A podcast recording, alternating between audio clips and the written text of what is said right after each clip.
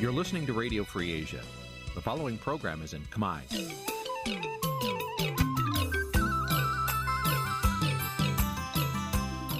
Nǐ chi càm bi tiệp xáy vệt chiu a zì sê នេះជាកម្មវិធីផ្សាយរបស់ Vithu Azisari ជាភាសាខ្មែរ វិទ្យុអាស៊ីសេរីសូមស្វាគមន៍លោកអ្នកនាងទាំងអស់ពីរដ្ឋធានី Washington នៃសហរដ្ឋអាមេរិក ពីរដ្ឋធានី Washington នាងខ្ញុំសុជីវីសូមជម្រាបសួរ លោកអ្នកនាងអ្នកស្ដាប់ Vithu Azisari ទាំងអស់ជាទីមេត្រីយើខ្ញុំសូមជូនកម្មវិធីផ្សាយសម្រាប់យប់ថ្ងៃប្រហ័ស500ខែផុតត្របុត្រឆ្នាំខាលចត្វាស័កពុទ្ធសករាជ2566ត្រូវនៅថ្ងៃទី15ខែកញ្ញាគ្រិស្តសករាជ2022ជាដំបូងនេះសូមអញ្ជើញលោកអ្នកនាងស្ដាប់ព័ត៌មានប្រចាំថ្ងៃដែលមានមេត្តាដូចតទៅ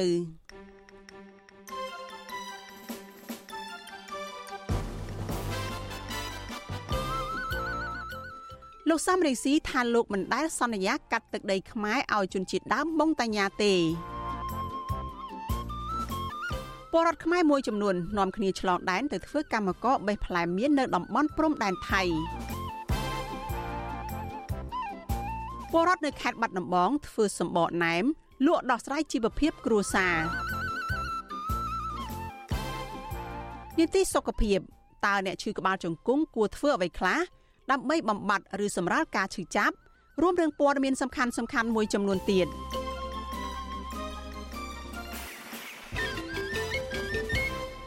ចាជាបន្តទៅទៀតនេះនាងខ្ញុំសុជីវីសូមជូនព័ត៌មានទាំងនេះពិស្ដាលោកសំរងស៊ីប្រធានស្ដីទីគណៈបកសង្គ្រោះជាតិជាថ្មីទៀតបានច្រានចោលការចោទប្រកាន់របស់អាជ្ញាធរនិងតុលាការកម្ពុជា ពាក់ព័ន្ធការចោទប្រកាន់ថាលោក មានបំណងកាត់ទឹកដីខ្មែរមួយផ្នែកនៅភូមិអេសាន ទៅឲ្យក្រុមជនជាតិដើមភៀកតិចម៉ុងតាញ៉ាវៀតណាមនៅពេលគណៈបកសង្គ្រោះជាតិឈ្នះឆ្នោតលោកថាអាញាធរនិងតុលាការក្រោមអំណាចរបស់លោកហ៊ុនសែនបានបកស្រាយបំភ្លៃសាច់រឿងនេះនៅក្នុងចេតនានយោបាយចាសសូមអញ្ជើញលោកដានៀងរងចាំតាមដានកិច្ចសម្ភាររវាងលោកជុនច័ន្ទបុតជាមួយលោកសំរេស៊ីអំពីរឿងនេះនៅក្នុងការផ្សាយរបស់យើងនៅពេលបន្តិចទៀតនេះ។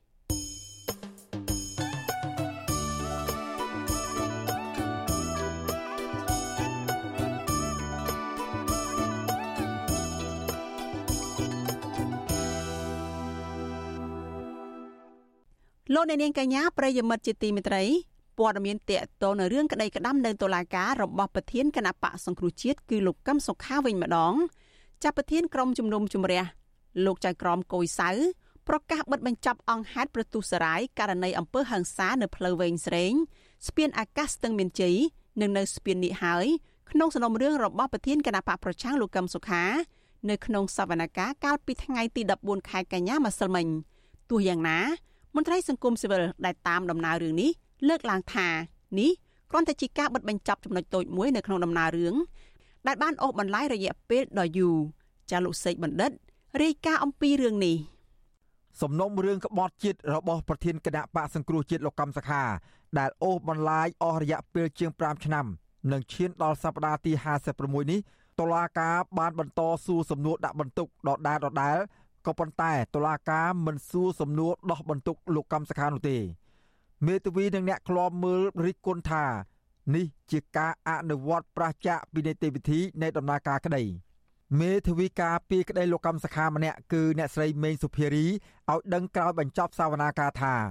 ស្ថានភាពក្នុងសវនាការនៅតែមានភាពតានតឹងព្រោះតំណាងអាយកានៅតែព្យាយាមសួរដេញដោលលោកកម្មសខាដដែលតាមការចង់បានរបស់ខ្លួន ប៉ុន្តែលោកកម្មសខាមិនបានផ្ដល់ចម្លើយតាមការចង់បានរបស់តំណាងអัยការនោះទេអ្នកស្រីក៏រិះគន់ដែរថាប្រធានក្រុមជំនុំជម្រះលោកចៅក្រមកុយសៅលើកយកតែសំណួរដាក់បន្ទុកមកចោទសួរកូនក្តីរបស់អ្នកស្រី អ្នកស្រីមេធាវីមេសុភារី ស្នើទៅតុលាការសូមកុំយករូបមន្តគណិតវិទ្យាមកអនុវត្តនៅតុលាការព្រោះទ្រឹស្ដីច្បាប់ អ្នកណាធ្វើខុសអ្នកនោះទទួល មិនមែនគ្រប់រឿងសុទ្ធតែទម្លាក់ឲ្យលោកកម្មសខាជាអ្នកទទួលខុសត្រូវតែម្នាក់ឯងនោះទេគណៈបកសង្គ្រោះជាតិមួយចំនួនបានទៅធ្វើបាតកម្មសកម្មជនមួយចំនួនបានទៅធ្វើបាតកម្មដូច្នេះហើយគឺជាការទទួលខុសត្រូវរបស់កូនស្រីខ្ញុំហីទេមិនមែនទេមិនជាការទទួលខុសត្រូវទេពីព្រោះដូចខ្ញុំលើកចឹងគឺអ្នកណាធ្វើអ្នកនោះទទួលខុសត្រូវជាគោលការណ៍ព្រមមិនទាន់ឈ្មោះកធ្វើ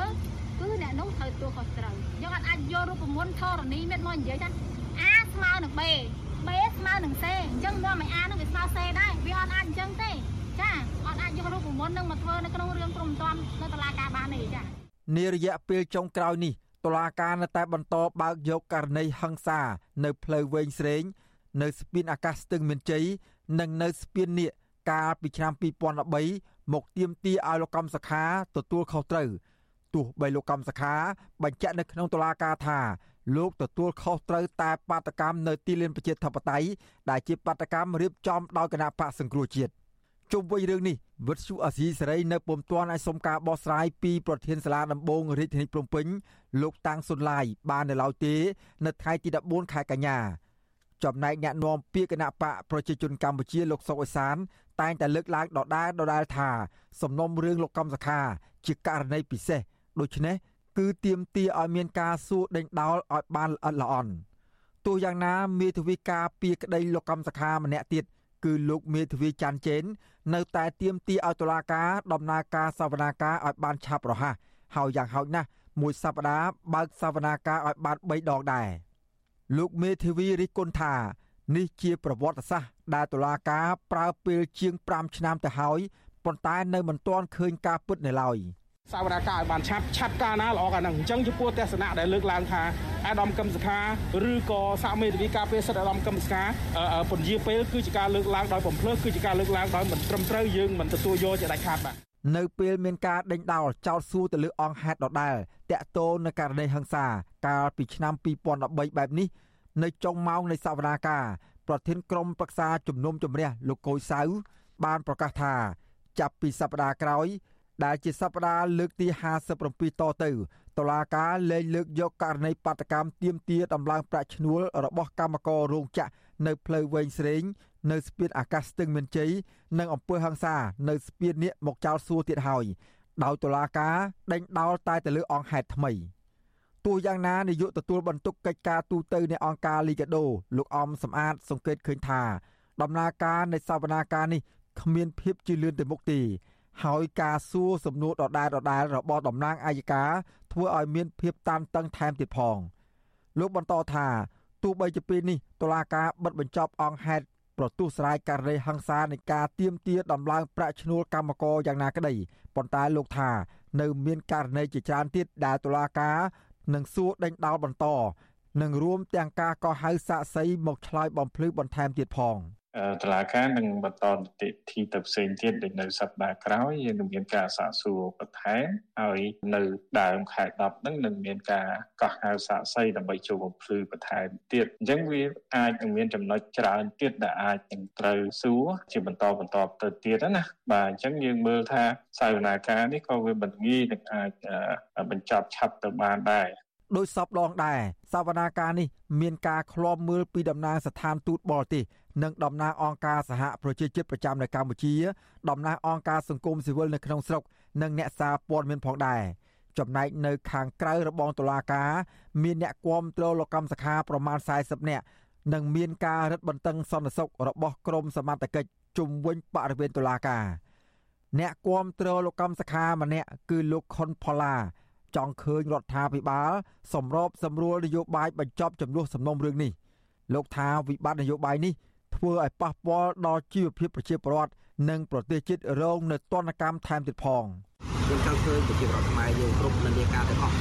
រួមសាមគ្គីសហការគ្នាដើម្បីដោះស្រាយវិបត្តិជាតិតែមួយតុលាការនឹងបន្តសវនាការសំណុំរឿងលោកកម្មសខានៅថ្ងៃទី21ខែកញ្ញាសប្តាហ៍ក្រោយបន្តទៀតតាក់ទងនឹងអង្គហេតុថ្មី រួមមានយុទ្ធនាការថ្ងៃច័ន្ទពណ៌ខ្មៅយុទ្ធនាការផ្កាឈូកអង្គហេតុនៅមុខសន្តាគារសានវេ និងការបណ្ដុះបណ្ដាលសកម្មជនគណបកសង្គ្រោះជាតិនៅប្រទេសឥណ្ឌូនេស៊ីជាដើមខ្ញុំបាទសេកបណ្ឌិតវុទ្ធុអាស៊ីសេរីពីរដ្ឋធានីវ៉ាស៊ីនតោនចាលោកនាងកញ្ញាប្រិយមិត្តជាទីមេត្រីលោកអ្នកកំពុងស្ដាប់ការផ្សាយវិទ្យុអាស៊ីសេរីផ្សាយចេញពីរដ្ឋធានី Washington សហរដ្ឋអាមេរិកប្រជាពលរដ្ឋមួយចំនួននៅស្រុកឯកភ្នំខេត្តបាត់ដំបងនៅតែបន្តប្រកបរបរធ្វើសម្បកណែមដើម្បីដោះស្រាយជីវភាពគ្រួសារបើទោះបីជាមានអ្នកខ្លះ បោះបង់អាជីពមួយនេះទៅហើយក្តីពួកគាត់ថាមុខរបរមួយនេះជួយរក្សាអត្តសញ្ញាណរបស់អ្នកស្រុកឯកភ្នំនិងបានคล้ายទៅជាផ្នែកមួយសម្រាប់តាក់ទាញភ្ញៀវទេសចរទៅកំសាន្តនៅតំបន់នោះ ចាស់លោកអ្នកនាងនៅបានស្ដាប់សេចក្តីរាយការណ៍នេះពិស្ដានៅក្នុងការផ្សាយរបស់យើងនៅពេលបន្តិចទៀតនេះលោកអ្នកនាងកញ្ញាជាទីមេត្រីព័ត៌មានតកតងនឹងកិច្ចប្រជុំអាស៊ានវិញម្ដងចាលោកនាយរដ្ឋមន្ត្រីហ៊ុនសែនអំពាវនាវឲ្យអាស៊ាន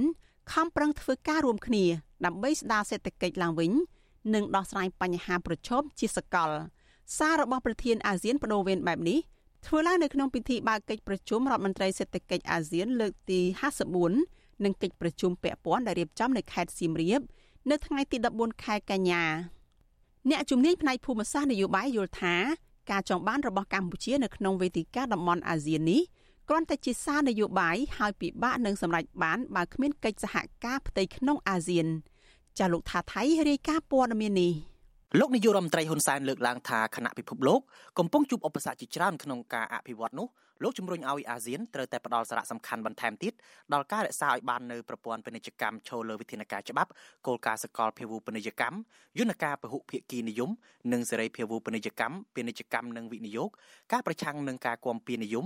ការលើកកម្ពស់ភាពធន់រឹងមាំនិងចង្វាក់ផ្គត់ផ្គង់ដល់តំបន់និងសកលកសាងសេដ្ឋកិច្ច Digital កិច្ចការពារបរិស្ថាន ការប្រើប្រាស់ធម្មពលស្អាតនិងការអភិវឌ្ឍប្រកបដោយចីរភាពនិងការរក្សាសន្តិសុខស្បៀងទន្ទឹមគ្នានឹងការប្រយុទ្ធប្រឆាំងជំងឺ Covid និងកិច្ចខិតខំប្រឹងប្រែងស្ដារសេដ្ឋកិច្ចឡើងវិញបន្ថែមលើនេះចាក់កូវិស័យអាស៊ានក្រោយឆ្នាំ2025ដែលអាស៊ានកំពុងរៀបចំនេះគួរផ្ដោតការគិតគូរលើយុទ្ធសាស្ត្រ ជាយុទ្ធសាស្ត្រលើបញ្ហាថ្មីថ្មីរួមមានការវិវត្តរីកចម្រើននៃវិស័យសេដ្ឋកិច្ច Digital ការកាត់បន្ថយគម្លាត Digital ក្នុងតំបន់ការពង្រឹងភាពធន់អាស៊ានទៅនឹងគ្រោះមហន្តរាយនិងជំងឺឆ្លងរាតត្បាតនានាការលើកកម្ពស់អភិវឌ្ឍសេដ្ឋកិច្ចបៃតងការការពារពលករចំណាក់ស្រុកការអភិវឌ្ឍពលករជំនាញនិងការអភិវឌ្ឍសហគ្រាសធុនតូចនិងមធ្យមជាដើមលោកហ៊ុនសែនក៏បានជំរុញឲ្យអាស៊ាន គូពិចារណាលើគំនិតផ្ដួចផ្ដើមបង្កើតក្របខ័ណ្ឌកិច្ចព្រមព្រៀងបៃតងអាស៊ានផងដែរដោយសារបច្ចុប្បន្ននេះពិភពលោកនិងអាស៊ានកំពុងប្រឈមនឹងបញ្ហាបំរែបំរួលអាកាសធាតុនិងការសម្រេចបាននូវគោលដៅអភិវឌ្ឍប្រកបដោយចីរភាពឆ្នាំ2030មេដឹកនាំដែលរងការរិះគន់ខ្លាំងឬបំផ្លិចបំផ្លាញធនធានធម្មជាតិរូបនេះបង្ហាញនៅជំនឿជឿជាក់ថាកិច្ចព្រមព្រៀងនេះនឹងអនុញ្ញាតឲ្យតំបន់អាស៊ានអាចប្រែខ្លួនបន្តិចម្ដងបន្តិចម្ដងឆ្ពោះទៅអនាគតបៃតងដែលមានចីរភាព ការប្រើប្រាស់ធនធានប្រកបដោយប្រសិទ្ធភាពធន់រឹងមាំនិងភាពប្រកួតប្រជែងក្នុងផ្នែកសេដ្ឋកិច្ច ក្រោយការថ្លែងសន្ទរកថារបស់លោកហ៊ុនសែននេះរដ្ឋមន្ត្រីក្រសួងពាណិជ្ជកម្មនិងជារដ្ឋមន្ត្រីសេដ្ឋកិច្ចអាស៊ានសម្រាប់កម្ពុជាលោកប៉ាន់សូសាក់ក៏បានបន្តកិច្ចប្រជុំរដ្ឋមន្ត្រីសេដ្ឋកិច្ចអាស៊ានលើកទី54និងកិច្ចប្រជុំពាក់ព័ន្ធជាមួយរដ្ឋមន្ត្រីសេដ្ឋកិច្ចមកពីប្រទេសជាសមាជិកអាស៊ាននិងដៃគូដទៃទៀតដូចជាចិនឥណ្ឌារុស្ស៊ីជប៉ុននិងកូរ៉េខាងត្បូងលើកលែងតែភូមាឬមីយ៉ាន់ម៉ា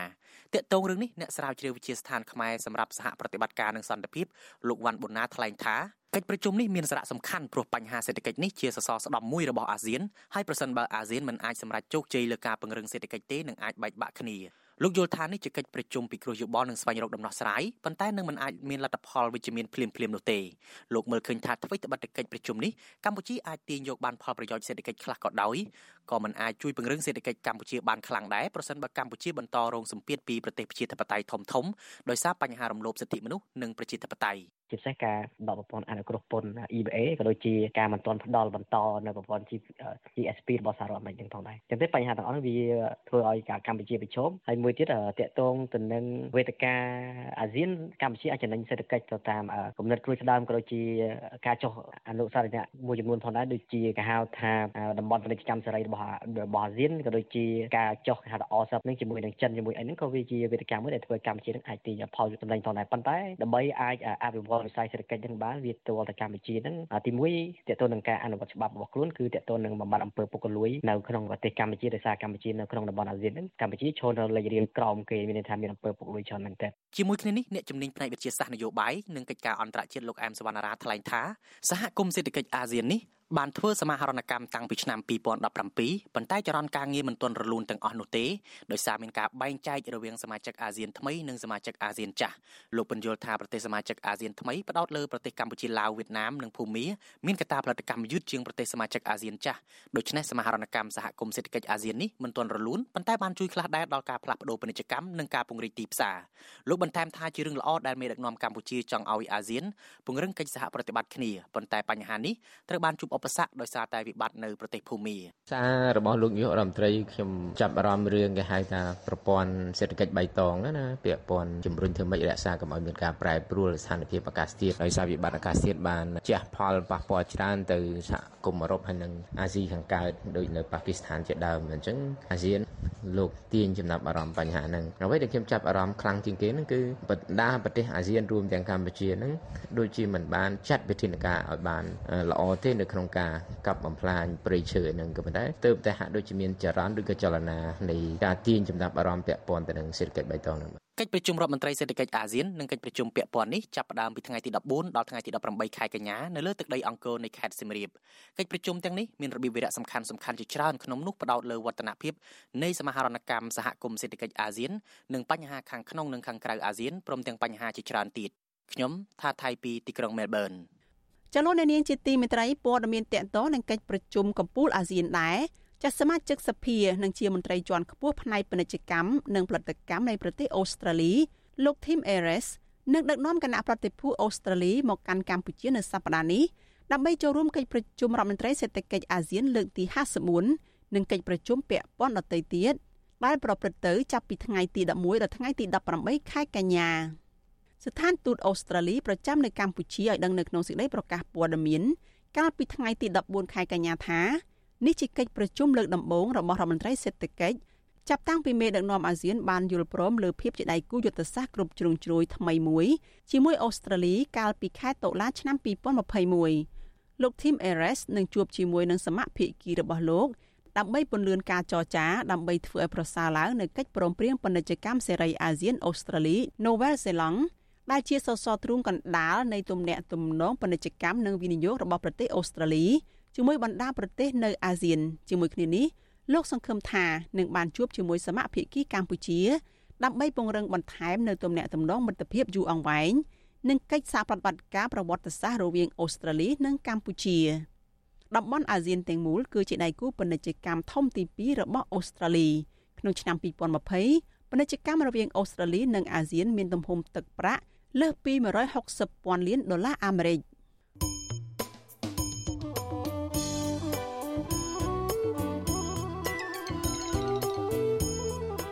អ្នកនាងកញ្ញាប្រិយមិត្តជាទីមេត្រីចាត់ដំណើរគ្នានឹងការផ្សាយផ្ទាល់តាមបណ្ដាញសង្គម Facebook និង YouTube លោកអ្នកនាងក៏អាចស្ដាប់ការផ្សាយរបស់ Vithu Azizi Saray ចាតាមរយៈវិទ្យុរលកធាតុអាកាសខ្លី SW តាមកម្រិតនិងកម្ពស់ដូចតទៅនេះពេលព្រឹកចាប់ពីម៉ោង5កន្លះដល់ម៉ោង6កន្លះតាមរយៈរលកធាតុអាកាសខ្លី12140 kHz ស្មើនឹងកម្ពស់ 25m និង13715 kHz ស្មើនឹងកម្ពស់ 22m ពេលយប់ ចាប់ពីម៉ោង7កន្លះដល់ម៉ោង8កន្លះតាមរយៈរលកធាតុអាកាសខ្លី9960 kHz ស្មើនឹងកម្ពស់ 30m 12140 kHz ស្មើនឹងកម្ពស់ 25m និង11885 kHz ស្មើនឹងកម្ពស់ 25m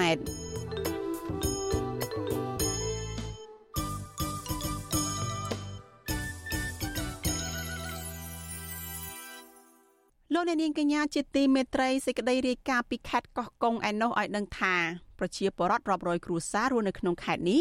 ដែលមានចំនួនដីធ្លីជាមួយនឹងក្រុមហ៊ុនចិន Union Development Group បានបង្ខំចិត្តធ្វើចំណាក់ស្រុកខុសច្បាប់ទៅធ្វើការងារនៅក្រៅប្រទេសជាបន្តបន្ទាប់និងឲ្យកូនកូនពួកគេនៅស្រុកកំណើតឈប់រៀនដើរស៊ីឈ្នួលធ្វើការងារយកប្រាក់កម្រៃដោះស្រាយជីវភាពក្នុងគ្រួសារពួកគេថាមូលហេតុដែលបង្ខំឲ្យពួកគេចាក់ចេញពីស្រុកកំណើត ដោយសារតែពួកគេជួបបញ្ហាជីវភាពក្នុងគ្រួសារព្រោះដីដែលធ្លាប់បង្កបង្កើនផលត្រូវក្រុមហ៊ុនចិនរំលោភយកខណៈអាជ្ញាធរនៅតែគ្មានឆន្ទៈក្នុងការដោះស្រាយវិវាទដីធ្លីរ៉ាំរ៉ៃមួយនេះចាប់ពីរដ្ឋធានី Washington អ្នកស្រីម៉ៅសុធានីរាយការណ៍អំពីរឿងនេះ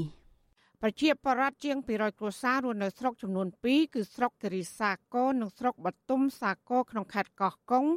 ដែលមានចំនួនដីធ្លីជាមួយក្រុមហ៊ុនចិន Union Development Group ក្នុងនោះមានបរិវត្តប្រមាណជាង100គ្រួសារបានបង្ខំចិត្ត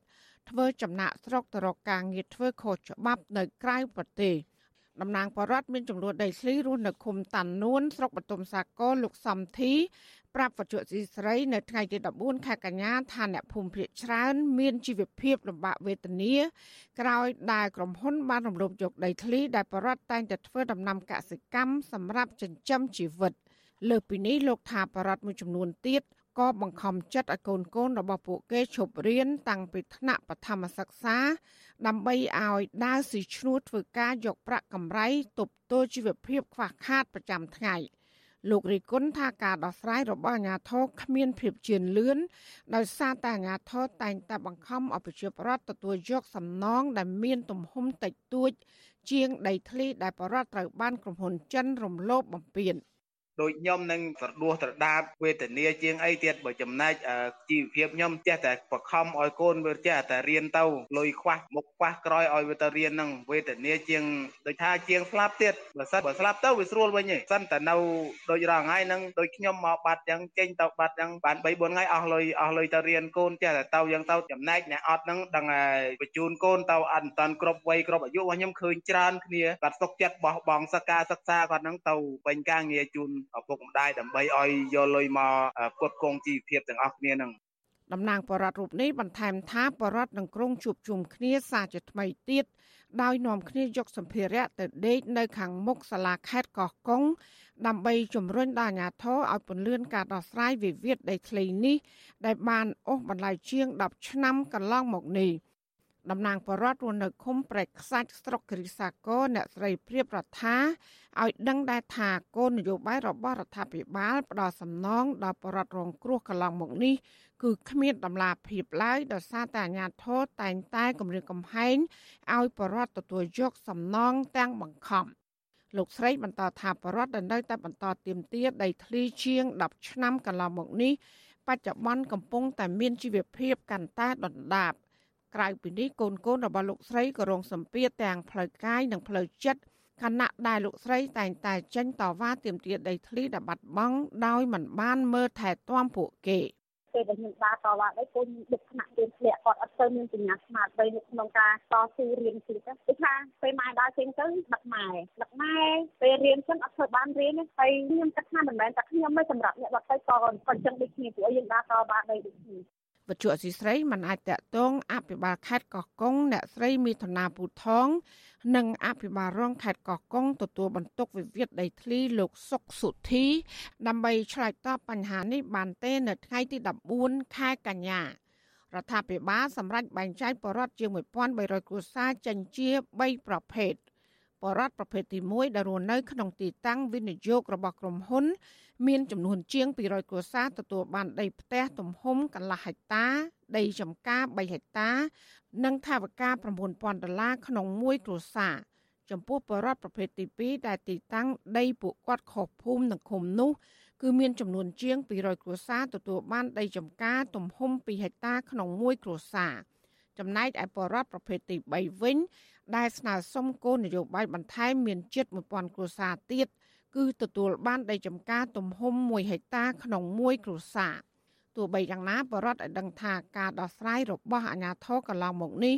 នៅតែមានភាពចម្រូងចម្រាសត្បិតបរដ្ឋមួយចំនួន បានបាត់បង់ដីធ្លីជាង10ហិកតាក៏ប៉ុន្តែអាជ្ញាធរផ្ដល់ត្រឹមតែ1ហិកតាប៉ុណ្ណោះ មកដល់ពេលនេះនៅសល់បរដ្ឋប្រមាណជាង100គ្រួសារទៀតដែលមិនព្រមទទួលយកសំណងពីអាជ្ញាធរដោយសារតែប្រដ្ឋទាំងនោះដីធ្លីបាត់បង់ធំធេងក៏ប៉ុន្តែអាជ្ញាធរតែងតែបង្ខំឲ្យពួកគាត់ទទួលដីត្រឹមតែ1ហិកតាប៉ុណ្ណោះជុំវិញរឿងនេះអ្នកសម្របសម្រួលនៃអង្គការសិទ្ធិមនុស្សលីកាដូប្រចាំខេត្តកោះកុងលោកហួអ៊ីនមានប្រសាសន៍ថាការដោះស្រាយរបស់រដ្ឋាភិបាលជូនពលរដ្ឋដែលមានការកំណត់ទំហំដីបែបនេះ មិនមែនជាការដោះស្រាយប្រកបដោយតម្លាភាពដែលឲ្យប្រជាពលរដ្ឋទទួលយុត្តិធម៌បានឡើយ។លោកបន្តថាបរដ្ឋមួយចំនួនដែលសុកចិត្តទទួលយកសំណងពីក្រុមហ៊ុន គឺដោយសារតែពួកគាត់មានដីធ្លីតិចតួច ហើយម្យ៉ាងពួកគាត់គ្មានជំនឿលើអាជ្ញាធរក្នុងការជួយរកយុត្តិធម៌ជូនពួកគាត់លោកក៏បានជំរុញដល់អាជ្ញាធរនិងរដ្ឋាភិបាល គួរតែពន្លឿនការដោះស្រាយនិងត្រួតពិនិត្យកែប្រែលក្ខខណ្ឌគោលនយោបាយដោះស្រាយមួយចំនួន ជូនដល់ប្រជាពលរដ្ឋឲ្យពួកគាត់ទទួលបានសំណងសមរម្យដើម្បីឲ្យប្រជាពលរដ្ឋមានដីធ្លីគ្រប់គ្រាន់ដើម្បីធ្វើដំណាំកសិកម្មចិញ្ចឹមជីវិតអ្នក សេះសងគឺភាគច្រើនគឺពួកគាត់ជាអ្នកតវ៉ាអស់រយៈពេល10ឆ្នាំហ្នឹងមកទៅទាំងនៅក្នុងខេត្តទាំងនៅភ្នំពេញបងពេលវេលាអូស៊ីហ្នឹងវាច្រើនហើយដល់ពេលដែលមានដំណោះស្រាយកំណត់ឲ្យគាត់យកលក្ខខណ្ឌដែលដែលអ្នកធ្វើបានកំណត់វាវាអយុត្តិធម៌សម្រាប់ពួកគាត់ណាអញ្ចឹងដើម្បីដោះស្រាយបញ្ចប់ចំនួនដែលនៅសេះសងហ្នឹងអាជ្ញាធរគួរតែធ្វើការសម្របសម្រួលដោយផ្ទាល់ប្រជាពលរដ្ឋក៏ដូចជាក្រុមហ៊ុនហ្នឹងមានការជជែកគ្នាការចរចាគ្នាទៅលក្ខខណ្ឌបែបណាដែលប្រជាពលរដ្ឋអាចទទួលយកបាន ក្រុមហ៊ុន Union Development Group បានទទួលដីសម្បត្តិសេដ្ឋកិច្ច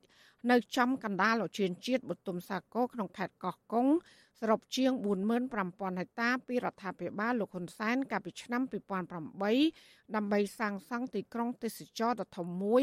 ហើយដែលត្រូវចំណាយទឹកប្រាក់ជិត4000លានដុល្លារអាមេរិក ការអភិវឌ្ឍនេះក្រុមហ៊ុនបានឈូសឆាយផ្ទះសម្បែងនិងបំផ្លាញផលដំណាំអ្នកភូមិព្រមទាំងបណ្ដេញបរិវត្តជាង1300គ្រួសារឲ្យចាក់ចេញពីលំនៅឋានរបស់ពួកគេទាំងបង្ខំក្រសួងរដ្ឋាភិបាលអាមេរិកកាលពីឆ្នាំ2020បានសម្រេចដាក់ទណ្ឌកម្មក្រុមហ៊ុនខ្នាតយក្សរបស់ចិនមួយនេះក្រោមច្បាប់សកល Global Magnitsky Act ក្រោយពីបានរកឃើញ ថាក្រុមហ៊ុនចិនមួយនេះមានពាក់ព័ន្ធនឹងអំពើពុករលួយ ការច្បាមយកដីពលរដ្ឋនិងការរំលោភសិទ្ធិមនុស្សនៅកម្ពុជា។ចាននាងខ្ញុំម៉ៅសុធានីវិទ្យុអាស៊ីសេរីប្រធានាធិបតី Washington លោកអ្នកនាងប្រិយមិត្តអ្នកស្ដាប់ជាទីមេត្រីចាស់ពលរដ្ឋខ្មែរមួយចំនួននាំគ្នាឆ្លងដែនទៅធ្វើកម្មករបេះផ្លែមៀនឲ្យជនជាតិថៃនៅតំបន់ព្រំដែននៅក្នុងប្រទេសថៃដើម្បីរកប្រាក់ចំណូលដោះស្រាយជីវភាពគ្រួសារពួកគេថានៅថៃ ពួកគេទទួលបានប្រាក់ឈ្នួលខ្ពស់ជាងនៅក្នុងស្រុកសង្គមស៊ីវិលស្វាគមន៍ព័ត៌មានដែលពលរដ្ឋអាចស្វែងរកការងារធ្វើដើម្បីបង្កើនប្រាក់ចំណូលប៉ុន្តែស្នើឲ្យរដ្ឋាភិបាលផ្ដល់សវត្ថិភាពដល់ពួកគេនៅពេលឆ្លងដែនពលរដ្ឋរស់នៅតាមព្រំដែនថៃលើកឡើងថាពួកគេសម្រេចចិត្តនាំគ្នាឆ្លងដែនទៅបេះផ្លែមៀនឲ្យប្រជាជនថៃដោយសារពួកគេយល់ឃើញថា នៅទីនោះតម្លៃពលកម្មខ្ពស់និងសម្បូរការងារដែលអាចផ្ដល់ប្រាក់បន្ថែមមួយចំនួន ដើម្បីដោះស្រាយជីវភាពគ្រួសារនិងបានប្រាក់សងធនាគារពលករបេះផ្លែមៀនម្នាក់រស់នៅស្រុកកំរៀងខេត្តបាត់ដំបងថ្លែងសុំមិនបញ្ចេញឈ្មោះប្រាប់វិទ្យុអាស៊ីសេរីនៅថ្ងៃទី14ខែកញ្ញាថាលោកនិងពលករដទៃទៀតបាននាំគ្នាឆ្លងដែនមកបេះផ្លែមៀននៅព្រំដែនស្រុកកំរៀងដើម្បីអាចរកប្រាក់ដោះស្រាយបន្ទុកគ្រួសារហើយម្យ៉ាងទៀតដំណាំមៀននៅក្នុងប្រទេសថៃអាចផ្ដល់ការងាររយៈពេលវែងរហូតដល់3ខែ លោកបន្តថាពលករដែលស្ទាត់ជំនាញបេះផ្លែមៀនក្នុងមួយថ្ងៃអាចបេះបាន50កញ្ច្រែងបានប្រាក់2000បាត ស្មើប្រមាណ250,000រៀលចំណែកអ្នកថ្មីមិនទាន់ចេះបេះក្នុងមួយថ្ងៃអាចបេះផ្លែមៀនបានជិត30កញ្ច្រែងបានប្រាក់ជាង1200បាត ស្មើនឹងជាង150,000រៀលលោកថាពលករឆ្លងដែនជាមួយលោកភៀកច្រើនជំពាក់បំណុលធនាគារនិងគ្រួសារមានជីវភាពខ្វះខាតលោកបញ្ជាក់ថាកន្លែងស្នាក់នៅថ្លៃទឹក និងថ្លៃអគិសនីគឺថៅកែថៃចេញឲ្យទាំងអស់ហើយបើកប្រាក់ឈ្នួល2ដងក្នុងមួយសប្តាហ៍វាបានច្រើនហ្មងរដូវនេះរដូវកាលមានគឺបានលុយច្រើនហើយបានបាទមិនតិចខែណាបេះតាំងពីខែ8រហូតដល់ខែ4ខែ5ហើយហ្នឹងឥឡូវនេះមានទេអត់មានមកខុតនឹងរៀនទេមករហូតមករហូតគាត់ថាផ្លែឈើនៅតំបន់នេះវាទៅតាមរដូវរដូវកាលនេះគឺផ្លែមានដល់ពេលឈានទៅដល់ខែ3ខែ4ខែ5គឺតរៀនមកខុតតាមមកត្រឡងកង់វិទ្យុអាស៊ីសេរីមិនអាចតាក់ទងប្រធានច្រកដូងឡែមលោកផាត់វិរៈ អភិបាលស្រុកកំរៀងលោកសុកណែននិងអធិការស្រុកកំរៀងលោកវេកំចត់ដើម្បីសូមអត្ថាធិប្បាយជុំវិញរឿងនេះបានទេ នៅថ្ងៃទី14ខែសីហាប៉ុន្តែជំទប់ទី2ឃុំកំរៀងលោកយ៉ុងសូដាប្រាប់វិទ្យុអាស៊ីសេរីថារដូវនេះពលរដ្ឋជាច្រើនអ្នកបានឆ្លងដែនទៅបេះផ្លែមៀនព្រោះប្រាក់ឈ្នួលនៅក្នុងប្រទេសថៃមានតម្លៃខ្ពស់និងមានចំការមានច្រើននៅក្នុងខេត្តជាប់ព្រំដែនលោកបន្តថាពលរដ្ឋឆ្លងដែនទៅបេះផ្លែមៀនម្ដងម្ដង រយៈពេលចន្លោះពី2ខែទៅ3ខែទើបត្រឡប់មកផ្ទះវិញប៉ុន្តែក៏មានមួយចំនួនបន្តនៅធ្វើការងារផ្សេងផ្សេងនៅតំបន់ព្រំដែនប្រទេសថៃហើយឆ្លងដែនទៅមកជាប្រចាំក៏មានតកតងទៅនឹងកត្តាជីវភាពរបស់គាត់ចំណូលរបស់គាត់នៅខាងកម្ពុជាយើងនេះដោយសារតែតកតងទៅនឹងកម្រៃដែលបានមកពីកម្លាំងពលកម្មហ្នឹងវាមិនសមស្របវាមិនតុល្យភាពពេលអញ្ចឹងទៅធ្វើឲ្យគាត់មានការចំណាក់ស្រុកច្រើនសម្រាប់ខ្ញុំក៏មិនទៅជាឯកភាពដែរព្រោះឃើញពលរដ្ឋចំណាក់ស្រុកច្រើនហ្មងហើយខាងឃុំខ្ញុំនឹងមានវិធានការតាក់ទងទៅនឹងបច្ចេកទេសក្នុងគ្រួសារនីមួយៗហ្នឹងឲ្យគាត់មានចំណេះជំនាញដើម្បីកាត់បន្ថយការចំណាក់ស្រុកជុំវិញរឿងនេះអ្នកសម្របសម្រួលផ្នែកខ្លំមើលការរំលោភសិទ្ធិមនុស្សនៃអង្គការលីកាដូប្រចាំខេត្តបាត់ដំបងលោកអិនគង្ជិតយល់ឃើញថាប្រសិនបើថៃកែថៃធានាដល់ការស្នាក់នៅងាយស្រួល ដោយគ្មានការកេងប្រវ័ញ្ចកម្លាំងពលកម្មគឺជាឱកាសរកចំណូលរបស់ពលរដ្ឋលោកបន្តថារដូវនេះកសិករទំនេរច្រើននឹងអាចឆ្លៀតពេលទំនេរទៅធ្វើការនៅប្រទេសថៃ ដើម្បីបានចំណូលដោះស្រាយជីវភាពគ្រួសារប៉ុន្តែលោកថាអាញាធរក៏ត្រូវត្រួតពិនិត្យនិងតាមដានពលរដ្ឋដែលបានចំណាក់ស្រុកដែរបញ្ជាការកេងប្រវ័ញ្ចកម្លាំងពលកម្មពីថៅកែមួយចំនួនលោកអិនគង្ជិតលើកឡើងថាដើម្បីកាត់បន្ថយចំនួនពលរដ្ឋចំណាក់ស្រុក រដ្ឋាភិបាលត្រូវយកចិត្តទុកដាក់ដល់កសិករនិងបង្កើនការងារក្នុងស្រុកដែលមានប្រាក់ឈ្នួលសមរម្យនិងបង្កើតសមាគមកសិករសិប្បកម្មកែច្នៃកសិផលឲ្យបានច្រើនព្រមទាំងទប់ស្កាត់ទំនិញនាំចូលពីបរទេសនិងជំរុញឲ្យពលរដ្ឋប្រើប្រាស់ទំនិញក្នុងស្រុក។ ធ្វើម៉េចបើទីផ្សារការងារនៅប្រទេសថៃគេសម្បូរហើយណាមួយប្រជាពលរដ្ឋនៅក្នុងស្រុកយើងនារដូវនេះគឺជារដូវដែលកសិផល នៅក្នុងស្រែមិនទាន់ផ្ដល់ផលកសិផលទីចំការមិនទាន់ផ្ដល់ផលដែរបាទអញ្ចឹងពួកគាត់ដែលអាចលាតទៅធ្វើការនៅទីនោះដើម្បីរកផលកម្រៃសម្រាប់បង្កើនប្រាក់ចំណូលហើយនឹងសម្រាប់លើកតម្កើងជីវភាពគាត់ហើយទូទាត់សងបំណុលគេនឹងវាជាការល្អប្រពៃ យើងមើលនៅក្នុងស្រុកខ្មែរបច្ចុប្បន្ននេះវិស័យសំណង់គឺមានទីផ្សារច្រើនប៉ុន្តែកម្មករខ្លះគាត់ប្រឈមនឹងការកេងប្រវ័ញ្ចដោយធ្វើការច្រើនថ្ងៃហើយមេការមិនបើកប្រាក់ខែឲ្យយ៉ាងទៀតការងារកន្លែងគាត់សាងសង់ហ្នឹងគឺវាអត់សូវមានសមត្ថភាពហើយការដែលគាត់គ្រោះថ្នាក់គឺมันមានជាដំណោះស្រាយសមរម្យសម្រាប់គាត់អញ្ចឹងដែលធ្វើឲ្យពួកគាត់មិនចង់ធ្វើការងារនៅក្នុងស្រុកណាជារៀងរាល់ឆ្នាំប្រជាពលរដ្ឋរស់នៅជាប់ព្រំដែន តែងនាំគ្នាឆ្លងដែនទៅធ្វើការនៅប្រទេសថៃនៅពេលដល់រដូវប្រមូលផលផ្លែឈើចូលមកម្ដងម្ដង មានដូចជាដំណាំមៀនមង្ឃុតទុរេន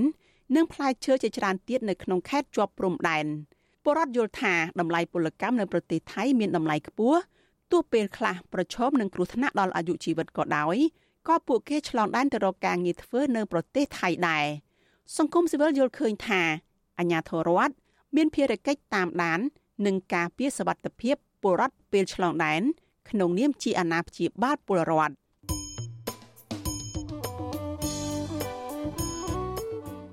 ចលនានាងជាទីមេត្រី នៅក្នុងឱកាសនេះដែរ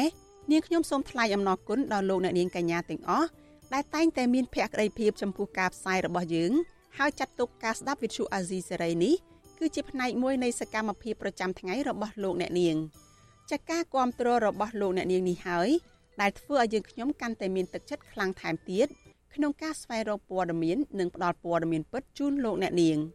ចាំមានអ្នកស្ដាប់មានអ្នកទស្សនាកាន់តែច្រើនកាន់តែធ្វើឲ្យយើងខ្ញុំមានភាពស្វាហាប់មោះមុតជាបន្តទៅទៀតយើងខ្ញុំសូមអរគុណទុកជាមុនហើយសូមអញ្ជើញលោកអ្នកនាងកញ្ញាចូលរួមជំរុញឲ្យសកម្មភាពផ្សព្វផ្សាយព័ត៌មានរបស់វិទ្យុអាស៊ីសេរីនេះចាកាន់តែជោគជ័យបន្ថែមទៀត។ ចាលោកអ្នកនាងអាចជួយយើងខ្ញុំបានដោយគ្រាន់តែចុចចែករំលែកការផ្សាយរបស់ Vithu Azizi Serai ចានៅលើបណ្ដាញសង្គម Facebook និង YouTube ទៅកាន់មិត្តភ័ក្តិរបស់លោកអ្នកនាងចាដើម្បីឲ្យការផ្សាយរបស់យើងនេះបានទៅដល់មនុស្សកាន់តែច្រើន ចាសូមអរគុណ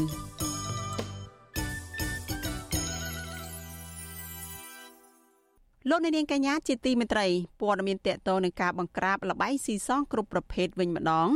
ចាលោកសខេងរដ្ឋមន្ត្រីក្រសួងមហាផ្ទៃ កាលពីថ្ងៃទី14ខែកញ្ញាបានចេញលិខិតបង្គាប់ការដោយចាត់តាំងឲ្យលោកសុកផលរដ្ឋលេខាធិការក្រសួងមហាផ្ទៃដឹកនាំក្រុមការងារដើម្បីបង្ក្រាបបទល្មើសល្បែងស៊ីសងគ្រប់ប្រភេទនៅទូទាំងប្រទេសរហូតដល់ថ្ងៃបញ្ចប់បេសកកម្មការចាត់តាំងក្រុមការងារនេះធ្វើឡើងក្រោយពីគណៈកម្មការគ្រប់គ្រងល្បែងពាណិជ្ជកម្មកម្ពុជានៃក្រសួងសេដ្ឋកិច្ចនិងហិរញ្ញវត្ថុកាលពីពេលថ្មីៗនេះបានជំរុញឲ្យអាជ្ញាធរមានសមត្ថកិច្ចតាមមូលដ្ឋាន ចុះអន្តរាគមបង្ក្រាបនិងបិទអាជីវកម្មបនលបែងអនឡាញគ្រប់ប្រភេទដែលកំពុងរីកដុះដាលចូលក្នុងសហគមន៍ឲ្យមានប្រសិទ្ធភាពប្រជាពលរដ្ឋមើលឃើញថានៅតាមមូលដ្ឋានស្រុកខណ្ឌមួយចំនួន មានលបែងស៊ីសងខុសច្បាប់ជាច្រើនប្រភេទកំពុងកើតឡើងដោយគ្មានការបង្ក្រាបពីអាជ្ញាធរឡើយលបែងស៊ីសងខុសច្បាប់ទាំងនោះរួមមានលបែងភ្នាល់អនឡាញកន្ទុយលេខបៀអាប៉ោងលូតូជាដើមអាជ្ញាធរមូលដ្ឋានខ្លះត្អូញត្អែថា ពួកគេមិនអាចបង្ក្រាបបានទេដោយសារតែម្ចាស់កន្លែងបនលបែងទាំងនោះមានអាជ្ញាប័ណ្ណពីក្រសួងសេដ្ឋកិច្ចនិងអ្នកធំកាងពីក្រោយកាលពីថ្ងៃទី8ខែកញ្ញាកន្លងមកនេះលោកសខេងក៏បានណែនាំឲ្យអាជ្ញាធរទប់ស្កាត់និងបង្ក្រាបរាល់បទល្មើសលួចឆក់ប្លន់លបែងស៊ីសងខុសច្បាប់និងបទល្មើសផ្សេងផ្សេងទៀតដើម្បីធានាសុវត្ថិភាពប្រជាពលរដ្ឋនិងរក្សាសន្តិភាពសាធារណៈលោកថាគោលដៅសំខាន់សំខាន់មានចំនួន3ដែលអាជ្ញាធរត្រូវផ្ដោតរួមមាន ការសង្គ្រោះជនរងគ្រោះការផ្ដន់ទាទោសទៅលើជនល្មើសឬមេខ្លោងជួញដូរនិងការបង្ក្រាបបិទបនលបែងស៊ីសងខុសច្បាប់ជាពិសេសតាមប្រព័ន្ធអនឡាញ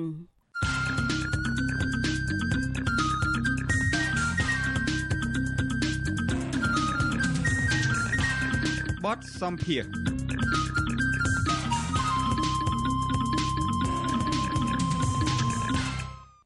លោកអ្នកនាងកញ្ញាប្រិយមិត្តជាទីមេត្រីចាលោកសំរងស៊ីប្រធានស្ដីទីគណៈបកសង្គ្រោះជាតិជាថ្មីទៀតបានច្រានចោលការចោទប្រកាន់របស់អាជ្ញាធរនិងតុលាការកម្ពុជា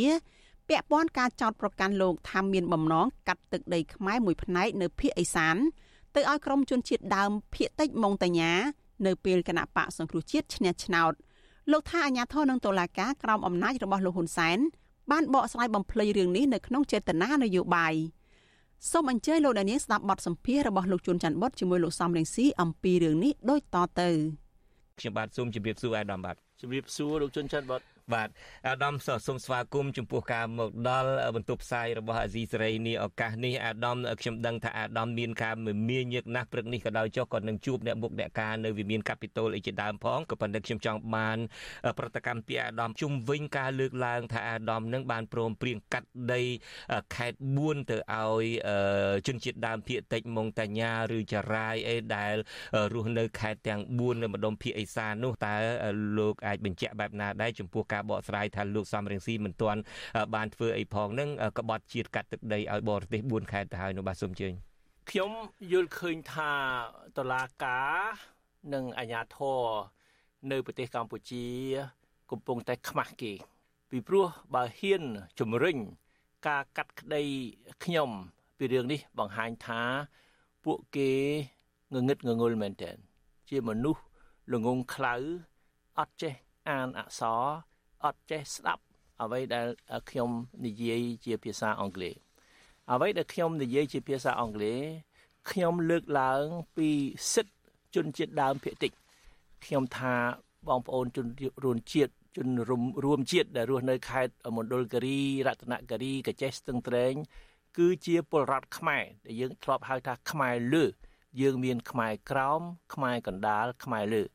ខ្ញុំចាត់ទុកនឹង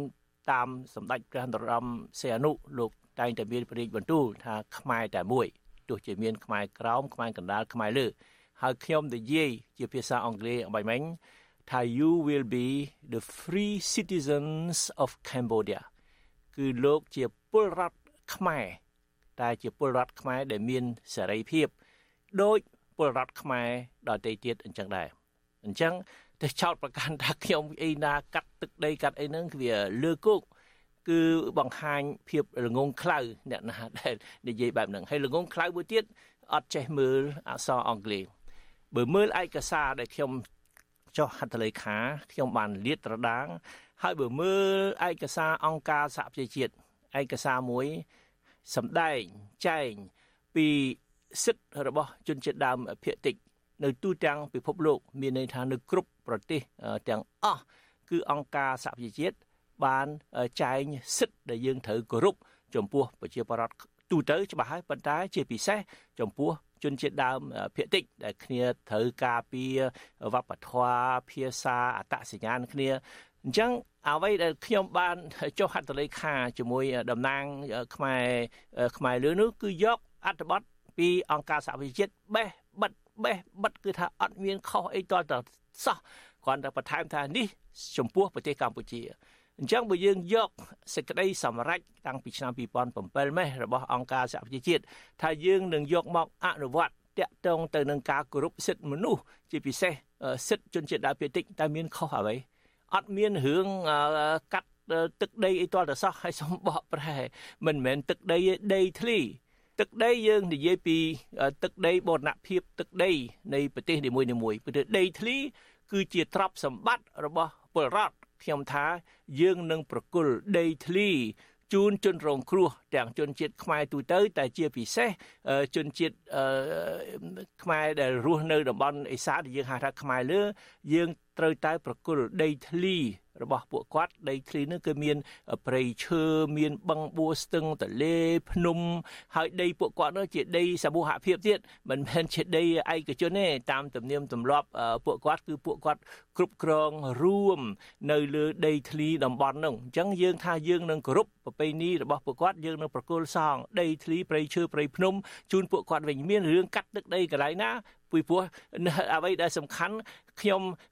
សន្យាថាពួកគាត់គឺជាពលរដ្ឋខ្មែរពលរដ្ឋខ្មែរគឺរស់នៅលើទឹកដីខ្មែរនៅក្រោមអធិបតេយ្យភាពរដ្ឋាភិបាលប្រទេសកម្ពុជារដ្ឋាភិបាលតែមួយប្រទេសតែមួយគាត់ថាជាពលរដ្ឋដែលយើងត្រូវតែការពារក្នុងឋានៈពួកគាត់ជាជនជាតិដើមភាគតិច នឹងហើយជារឿងដែលធ្វើឲ្យពួកគេខ្មាស់គេហើយគេលើកគេលើកសាវនាការចង់ជំនុំជម្រះខ្ញុំពីរឿងហ្នឹងដល់ខ្ញុំបានបង្ហាញឯកសារឲ្យចេះប្រៀបធៀបឲ្យបើកភ្នែកមើលទៅវាដូចគ្នាគឺឯកសារអង្គការសហប្រជាជាតិបេះបេតអញ្ចឹងហើយបានគេផ្អាករឿងហ្នឹងគេពន្យាហើយមូលហេតុមួយទៀតដែលគេពន្យាការកាត់ក្តីរបស់ខ្ញុំក្នុងរឿងហ្នឹងគឺដោយលោកជុនច័ន្ទបុតបានលើកឡើងអមាញ់មិញវាតាក់ទងទៅនឹងតុលាការប្រទេសបារាំង តឡាការប្រទេសបារាំងគេកំពុងតែកាត់ក្តីរឿងដែលថាលោកហ៊ុនសែនចោទខ្ញុំថាខ្ញុំបរិហាគេគាត់ប៉ុន្តែតឡាការគេមុននឹងកាត់ក្តីគេមើលពីបរិបត្តិនយោបាយហើយបរិបត្តិនយោបាយនៅប្រទេសកម្ពុជា គឺការគៀបសង្កត់គណៈបកប្រឆាំងជាពិសេសគៀបសង្កត់រូបខ្ញុំតែម្ដង ដែលដាក់ដឹកនាំចលនាប្រជាធិបតេយ្យចលនាប្រឆាំងរបបប្រជាការលោកហ៊ុនសែន តឡាការប្រទេសបារាំងគេឃើញច្បាស់ថាអូធ្វើទុកបុកម្នេញធ្វើបាបសំរាំងស៊ីចេះតែចេះតែចោតប្រកាន់គាត់លើគុកឥឡូវនៅហ៊ុនសែនចង់មកចោតប្រកាន់គាត់លើគុកនៅចំពោះមុខតឡាការបារាំងទៀតហ៊ុនសែនច្បាស់ជាចាញ់អញ្ចឹងហើយបានភ្ញាក់ខ្លួនដឹងខ្លួនអត់តាន់គេ គេគេពន្យាការកាត់ក្តីរបស់ខ្ញុំនៅទីក្រុងភ្នំពេញតាក់ទងនឹងរឿងដែលចោតប្រកាន់រឿងក្បែរលើនេះបាទបាទអរគុណអាដាមសំរងស៊ីដែលបានបកស្រាយអំពីបញ្ហាជនជាតិដើមភាគតិចឬមួយហៅថាខ្មែរលើនេះក៏សូមជម្រាបជូនលោកអ្នកស្ដាប់ផងដែរថានៅម្ដុំខេត្តភូមិភាគឦសាននេះមានកញ្ចេះស្ទឹងត្រែងរតនគិរីមណ្ឌលគិរីនេះមុនជនជាតិដើមភាគតិចរស់នៅច្រើន មានចរាយមាន ក្រឹងមានទំពួនមានឡាវអីជាដើមអីចឹងទៅហើយចំពោះជនជាតិចារាយនេះ តាមពិតជាប្រវត្តិមកគឺជាជនជាតិចាមអ្នកស្រុកនគរចម្ប៉ាដែលវៀតណាមបានដណ្ដើមយកប្រទេសរបស់គាត់ទៅមួយចំនួនក៏មកដល់អីភូមិភាគកណ្ដាល នៅអីជាងចម្មេះនៅកលោលេខ7អីទៅហើយយើងនាំគ្នាហៅពួកគាត់ចាមទៅអ្នកខ្លះក៏នៅនៅតំបន់ភ្នំទៅនៅផ្នែកភ្នំនៅម្ដុំរតនគិរីមណ្ឌលគិរីគេហៅថាចារាយទៅហើយបើនៅអីផ្នែកភ្នំដែរប៉ុន្តែនៅម្ដុំអីប្រទេសវៀតណាមឯនោះបារាំងបានហៅពួកគាត់ថាបងតាញាតអីចឹងទៅដូច្នេះពាក្យមងតាញាតចាមឬចារាយហ្នឹងគឺសុទ្ធតែជា មានប្រភពជាជនជាតិដើមនៃនគរចម្ប៉ានឹងឯងបាទនេះសូមបញ្ជាក់ចំណុចហ្នឹងចឹងអរគុណអាដាមសូមជម្រាបលាតែប៉ុណ្ណេះលោកអ្នកនាងទៅបានស្ដាប់បទសម្ភាសរបស់លោកជួនច័ន្ទបុតជាមួយនឹងលោកសំរងស៊ីដែលបកស្រាយអំពីការចោទប្រកាន់របស់អាជ្ញាធរលោកហ៊ុនសែននិងតុលាការពាក់ព័ន្ធការចោទប្រកាន់លោកថាមានបំណងកាត់ទឹកដីខ្មែរមួយផ្នែកនៅភូមិអេសានទៅឲ្យក្រុមជនជាតិដើមភាគតិចម៉ុងតាញ៉ាវៀតណាមនៅពេលគណៈបកសង្គ្រោះជាតិឈ្នះឆ្នោត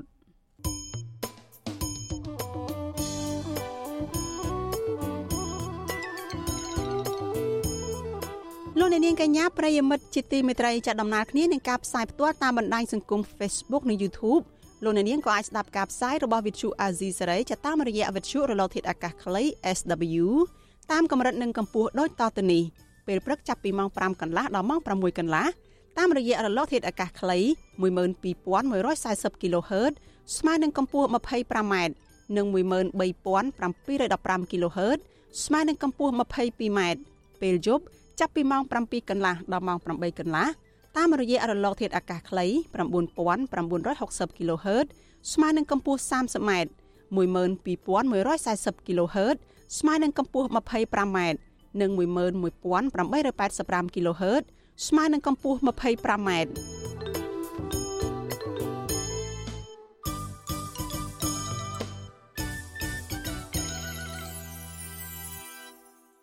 លោកអ្នកនាងកញ្ញាជាទីមេត្រីនៅឯខេត្តបាត់ដំបងចាស់ប្រជាពលរដ្ឋមួយចំនួននៅក្នុងស្រុកឯកភ្នំនៅតែបន្តប្រកបរបរធ្វើសម្បកណែមដើម្បីដោះស្រាយជីវភាពគ្រួសារទោះបីជាមានអ្នកខ្លះបោះបង់អាជីពមួយនេះទៅហើយក្តី ពួកគាត់ថាមុខរបរមួយនេះជួយរក្សាអត្តសញ្ញាណរបស់អ្នកស្រុកឯកភ្នំនិងបានคล้ายទៅជាផ្នែកមួយសម្រាប់តាក់ទាញភ្ញៀវទេសចរទៅកំសាន្តនៅក្នុងតំបន់នេះចាសសូមស្ដាប់សេចក្តីរាយការណ៍មួយទៀតរបស់លោកសេកបណ្ឌិតអំពីរឿងនេះ នៅតាមដងផ្លូវឆ្ពោះទៅកាន់ប្រាសាទឯកភ្នំ នៅខេត្តបាត់ដំបងអ្នកធ្វើដំណើរឆ្លងកាត់ភូមិដូនទាវស្ថិតនៅក្នុងឃុំពីមឯកដែលប្រជាពលរដ្ឋនៅទីនោះភ ieck ច្រើនប្រកបមុខរបរធ្វើសម្បកណែមជារៀងរាល់ថ្ងៃអ្នកភូមិប្រហែល5ទៅ10ផ្ទះប្របតាមដងផ្លូវដាក់ហាលសម្បកណែមប្រងព្រាតនៅទីធ្លាមុខផ្ទះរបស់ពួកគាត់ពលរដ្ឋម្នាក់រស់នៅភូមិដូនទាវឃុំពីមឯកស្រុកឯកភ្នំ គឺលោកស្រីអនសៃមុំប្រាប់បទសុអសីស្រីឲ្យដឹងថាលោកស្រីចាប់ផ្ដើមធ្វើមុខរបរនេះអស់រយៈពេលជាង40ឆ្នាំមកហើយលោកស្រីលើកឡើងថា ក្នុងមួយថ្ងៃ លោកស្រីប្រើអង្ករអស់15គីឡូក្រាម ហើយផលិតសម្បកណែមបានប្រមាណ1500សន្លឹកនិងលក់បាន100សន្លឹកបានចំនួន6000រៀលលោកស្រីបន្តថាសម្បកណែមជាអាហារមួយប្រភេទ ដែលបញ្ជាក់ពីអត្តសញ្ញាណរបស់អ្នកភូមិដូនទាវទាំងមូលយ៉ាងណាលោកស្រីបន្ថែមថាមុខរបរមួយនេះក៏កំពុងប្រឈមនឹងការបាត់បង់បន្ទាប់ពីអ្នកភូមិនាំគ្នាឈប់ធ្វើនិងងាកទៅប្រកបមុខរបរផ្សេងផ្សេងជំនួសវិញដំបងយាយយាយទៅម៉ែម៉ែមកដល់ខ្ញុំនឹង3ដណពលរដ្ឋម្នាក់ទៀតគឺលោកស្រីសុកវណ្ណាឲ្យដឹងដែរថា កាលពីមុនការធ្វើសម្បកណែមជារបរមួយពេញនិយម និងមានសឹងតែគ្រប់ផ្ទះ ប៉ុន្តែបច្ចុប្បន្នលោកស្រីថាមានពលរដ្ឋប្រហែល40គ្រួសារប៉ុណ្ណោះដែលនៅបន្តប្រកបមុខរបរមួយនេះលោកស្រីបន្តទៀតថាការថយចុះនេះ គឺបណ្ដាលមកពីប្រជាពលរដ្ឋខ្លះបោះបង់ដោយសារតែវាជាមុខរបរដែលត្រូវការកម្លាំងពលកម្មច្រើន មានភាពនឿយហត់និងទទួលបានកម្រៃតិច ជាមួយគ្នានេះយុវវ័យចំនួនក្រោយភ ieck ច្រើនទទួលបានការរៀនសូត្រជ្រៅជ្រះដូច្នេះពួកគេមិនចង់បន្តមុខរបរនេះពីគ្រួសារនោះឡើយ អ្នកខ្លះគេគេមានលុយទៅគេរៀនបានខ្ពស់ទៅគេឈប់ធ្វើទៅគេទៅធ្វើការនឹងពេញអញ្ចឹងណាគេឈប់ឲ្យធ្វើព្រោះអីមុខរបរនេះវានៅអីចឹងវាបានសល់លុយសល់កាយបានតែមកហូបការងារស្រីនៅផ្ទះសម្បកណែមផលិតចេញពីម្សៅអង្ករត្រាំទឹកមួយយប់រួចយកទៅវាឬប៉ាតលើក្រណាត់ដែលចងគ្របពីលើមាត់ឆ្នាំងដាំទឹកក្តៅកំពុងពុះបន្ទាប់មកក៏យកសម្បកណែមដែលវាសរួចនោះ ទៅសម្ដិលហាលលើបន្ទះពិនបិទពីខ្នងឫស្សីដែលមានក្រឡាពីហ៊ុនឬ2សង់ទីម៉ែត្រប្រមាណ10នាទីនិងចុងក្រោយសម្ដិលហាលទឹកសន្សើមបន្ទុំចំនួនមួយយប់តែទៅនឹងរឿងនេះសមាជិកក្រុមប្រឹក្សាឃុំពីមឯកលោកសុំចម្រើនឲ្យដឹងថា ការធ្វើសម្បកណែមជាមុខរបរប្រពៃណីមួយរបស់អ្នកស្រុកឯកភ្នំ ដែលមានកំណើតចាប់តាំងពីសម័យសង្គមរាជនិយមមកម្លេះលោកបន្តថានៅទូទាំងខេត្តបាត់ដំបង មានតែភូមិសុះអីនិងភូមិដូនទាវប៉ុណ្ណោះដែលមានពលរដ្ឋប្រកបមុខរបរមួយនេះ រហូតគេហៅថាជាភូមិសម្បកណែមលោកបន្ថែមថាការធ្វើសម្បកណែមជារបរមួយប្រភេទដែលមានតម្លៃអាចចាត់ទៅក្នុងមុខរបរប្រពៃណីមួយក្នុងប្រទេសកម្ពុជា លោកថាសម្បកណែមនៅទីនេះមានលក្ខណៈពិសេសព្រោះវាត្រូវបានផលិតឡើងដោយមនុស្សរួមទាំងវត្ថុធាតុដើមធម្មជាតិគ្មានជាតិគីមី ដោយផលិតផលបរទេសឡើយប៉ុន្តែបច្ចុប្បន្នអ្នកប្រកបមុខរបរនេះមានចំនួនថយចុះដោយកាលពីមុនមានអ្នកធ្វើប្រហែល40%តែឥឡូវនៅសល់ត្រឹមតែ15%ប៉ុណ្ណោះខណៈអាជ្ញាធរមូលដ្ឋាន កំពុងយកចិត្តទុកដាក់ស្ដារនិងថែរក្សាមុខរបរនេះឲ្យនៅថិតថេរហ្នឹងហើយបច្ចុប្បន្នអាជ្ញាធរមូលដ្ឋាននឹងក៏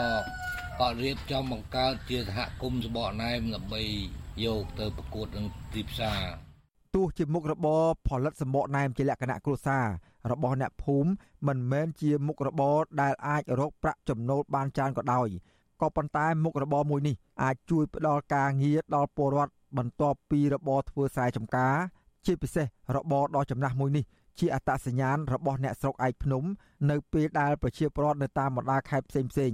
បានបរិភោគសម្បកណែមនេះនឹងនឹកឃើញដល់ស្រុកឯកភ្នំខេត្តបាត់ដំបងមុនគេ ទោះយ៉ាងណាក្តីអ្នកសម្របសម្រួលសិទ្ធិមនុស្សរបស់សមាគមការពារសិទ្ធិមនុស្សអាត6ប្រចាំនៅខេត្តបាត់ដំបងលោកយិនមេងលីលើកឡើងថាដើម្បីថែរក្សាអត្តសញ្ញាណមុខរបរនេះបាន គឺត្រូវមានការចូលរួមពីអាជ្ញាធរពាក់ព័ន្ធនិងប្រជាពលរដ្ឋខ្លួនឯងផ្ទាល់យ៉ាងណាក៏ដោយចុះលោកសង្កត់ធ្ងន់ថាកិច្ចការនេះអាចសម្រេចទៅបានលុះត្រាតែមានការបង្កើតជាសហគមន៍និងធ្វើសម្បកណែមឲ្យមានស្តង់ដារនាំចេញទៅក្រៅប្រទេស ដើម្បីប្រកួតប្រជែងនៅលើទីផ្សារអន្តរជាតិលោកបន្តថាក្នុងនោះអាញាធរត្រូវមានការគ្រប់គ្រងតាមរយៈការបង្រៀនបច្ចេកទេសសិប្បកម្មបែបទំនើបការវិច្ឆប់ប្រកបដោយភាពតាក់ទាញការពង្រឹងគុណភាពផលិតផលនិងការផ្គត់ផ្គង់ឬផ្ដល់កម្ចីហិរញ្ញវត្ថុសមស្របមួយទៅដល់ប្រជាពលរដ្ឋជាអ្នកផលិតសម្បកណែមនោះ។ ការបង្កើតហ្នឹងវាជាសិទ្ធិមួយរបស់ប្រជាពលរដ្ឋក្នុងការបង្កើតសហគមន៍ក្នុងការជួយគ្នានៅក្នុងសហគមន៍ប៉ុន្តែអាជ្ញាធរត្រូវតែបង្កការងាយស្រួលដល់ពួកគាត់កុំធ្វើយ៉ាងម៉េចកុំឲ្យគាត់មានការលំបាកនៅក្នុងការបង្កើតនេះត្រូវលើកទឹកចិត្តថែមទៀតណាជាពិសេសគឺអាជ្ញាធរនៅក្នុងឃុំនៅក្នុងស្រុកដែលប្រជាពលរដ្ឋគាត់ប្រកបមុខរបរនឹងតែម្ដងសម្បកណែមជាមធ្យមមានទំហំប៉ុនផ្ទើទឹកឬក៏មានអង្កត់ផ្ចិតទំហំ10សង់ទីម៉ែត្រ ក្នុងមួយថ្ងៃជាមធ្យមគេអាចធ្វើសម្បកណែមអស់អង្ករចំនួន15គីឡូក្រាមនិងទទួលបានសម្បកណែមចំនួន1500សន្លឹក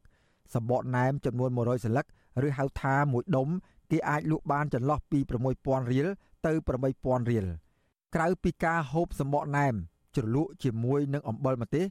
គេអាចយកវាច្នៃជាអាហារសម្រន់ផ្សេងផ្សេងបានជាច្រើនមុខដោយខ្ចប់ជាមួយនឹងបន្លែ ស្លឹកជីនិងសាច់ជ្រូក ជ្រលក់ទឹកគ្រឿងឬទឹកត្រីផ្អែមបរិភោគបានភ្លាមភ្លាមឬក៏យកទៅបំពងក៏បានសម្បកណែមបានដើរតួនាទីជាអាហារផង និងជាអ្នកតាក់ទាញភ្ញៀវទេសចរផងរាល់អ្នកធ្វើដំណើរកំសាន្តទៅកាន់ប្រាសាទឯកភ្នំ គេមិនអាចរំលងបាននោះទេនៅការចូលទៅទស្សនាពីរបៀបនៃការធ្វើអាហារមួយនេះ ជារៀងរាល់ថ្ងៃភ្ញៀវទេសចរជាពិសេសភ្ញៀវអន្តរជាតិ តែងតែឈប់នៅភូមិដូនទាវដើម្បីទស្សនានិងភ្លក់អាហារធ្វើពីសម្បកណែមយ៉ាងច្រើនកុះករ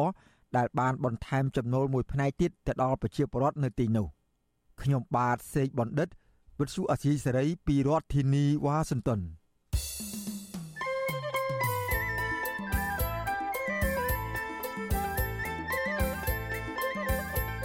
នេតិសុខភាព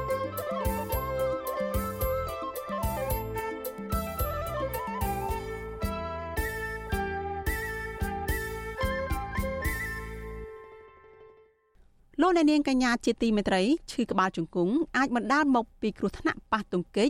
ឬដួលបុកលើជង្គង់ធ្វើឲ្យរហែកឆ្អឹងខ្ចីដាច់ហើមសរសៃពួរហើមក្បាលជង្គង់និងកើតជំងឺរលាកសន្លាក់ជាដើមតើអ្វីខ្លះអាចបំបត្តិការឈឺចាប់ឬព្យាបាលជំងឺរលាកសន្លាក់ជង្គង់ធ្ងន់ធ្ងរបានចាក់ក្នុងនីតិសុខភាពសប្តាហ៍នេះអ្នកស្រីម៉ៅសុធានីសូមរាយការណ៍ជូនពិស្ដាជុំវិញរឿងនេះដូចតទៅគ្រូពេទ្យជំនាញសុខភាពផ្ដល់ដំបូន្មាន ថាមានវិធីសាស្ត្រជាច្រើនដើម្បីបំបត្តិឬក៏សម្រាលការឈឺចាប់ក្បាលជង្គង់ដែលបណ្ដាលមកពីគ្រោះថ្នាក់ប៉ះទង្គិចណាមួយឬក៏ដោយសារជំងឺរលាកក្បាលជង្គង់វិធីសាស្ត្រទាំងនោះរួមមានសម្រក់ទម្ងន់ព្រោះនៅពេលដែលធាត់ខ្លាំងទម្ងន់ខ្លួនប្រានសង្កត់ខ្លាំងទៅលើជើង ជាពិសេសលើជង្គង់ខ្លួនប្រានត្រូវសកម្មកុំសម្រាប់ដេកស្ងៀមយូរពេកព្រោះវាអាចបណ្ដាលឲ្យសាច់ដុំចុកខ្សោយ ធ្វើលំហាត់ប្រាណដោយពង្រឹងសាច់ដុំដើម្បីគ្រប់គ្រងក្បាលជង្គង់ដូចជាដើរហែលទឹក និងពុតខ្លួនប្រាណដៃជើងដើម្បីជួយបង្កើនភាពបត់បែនងាយស្រួល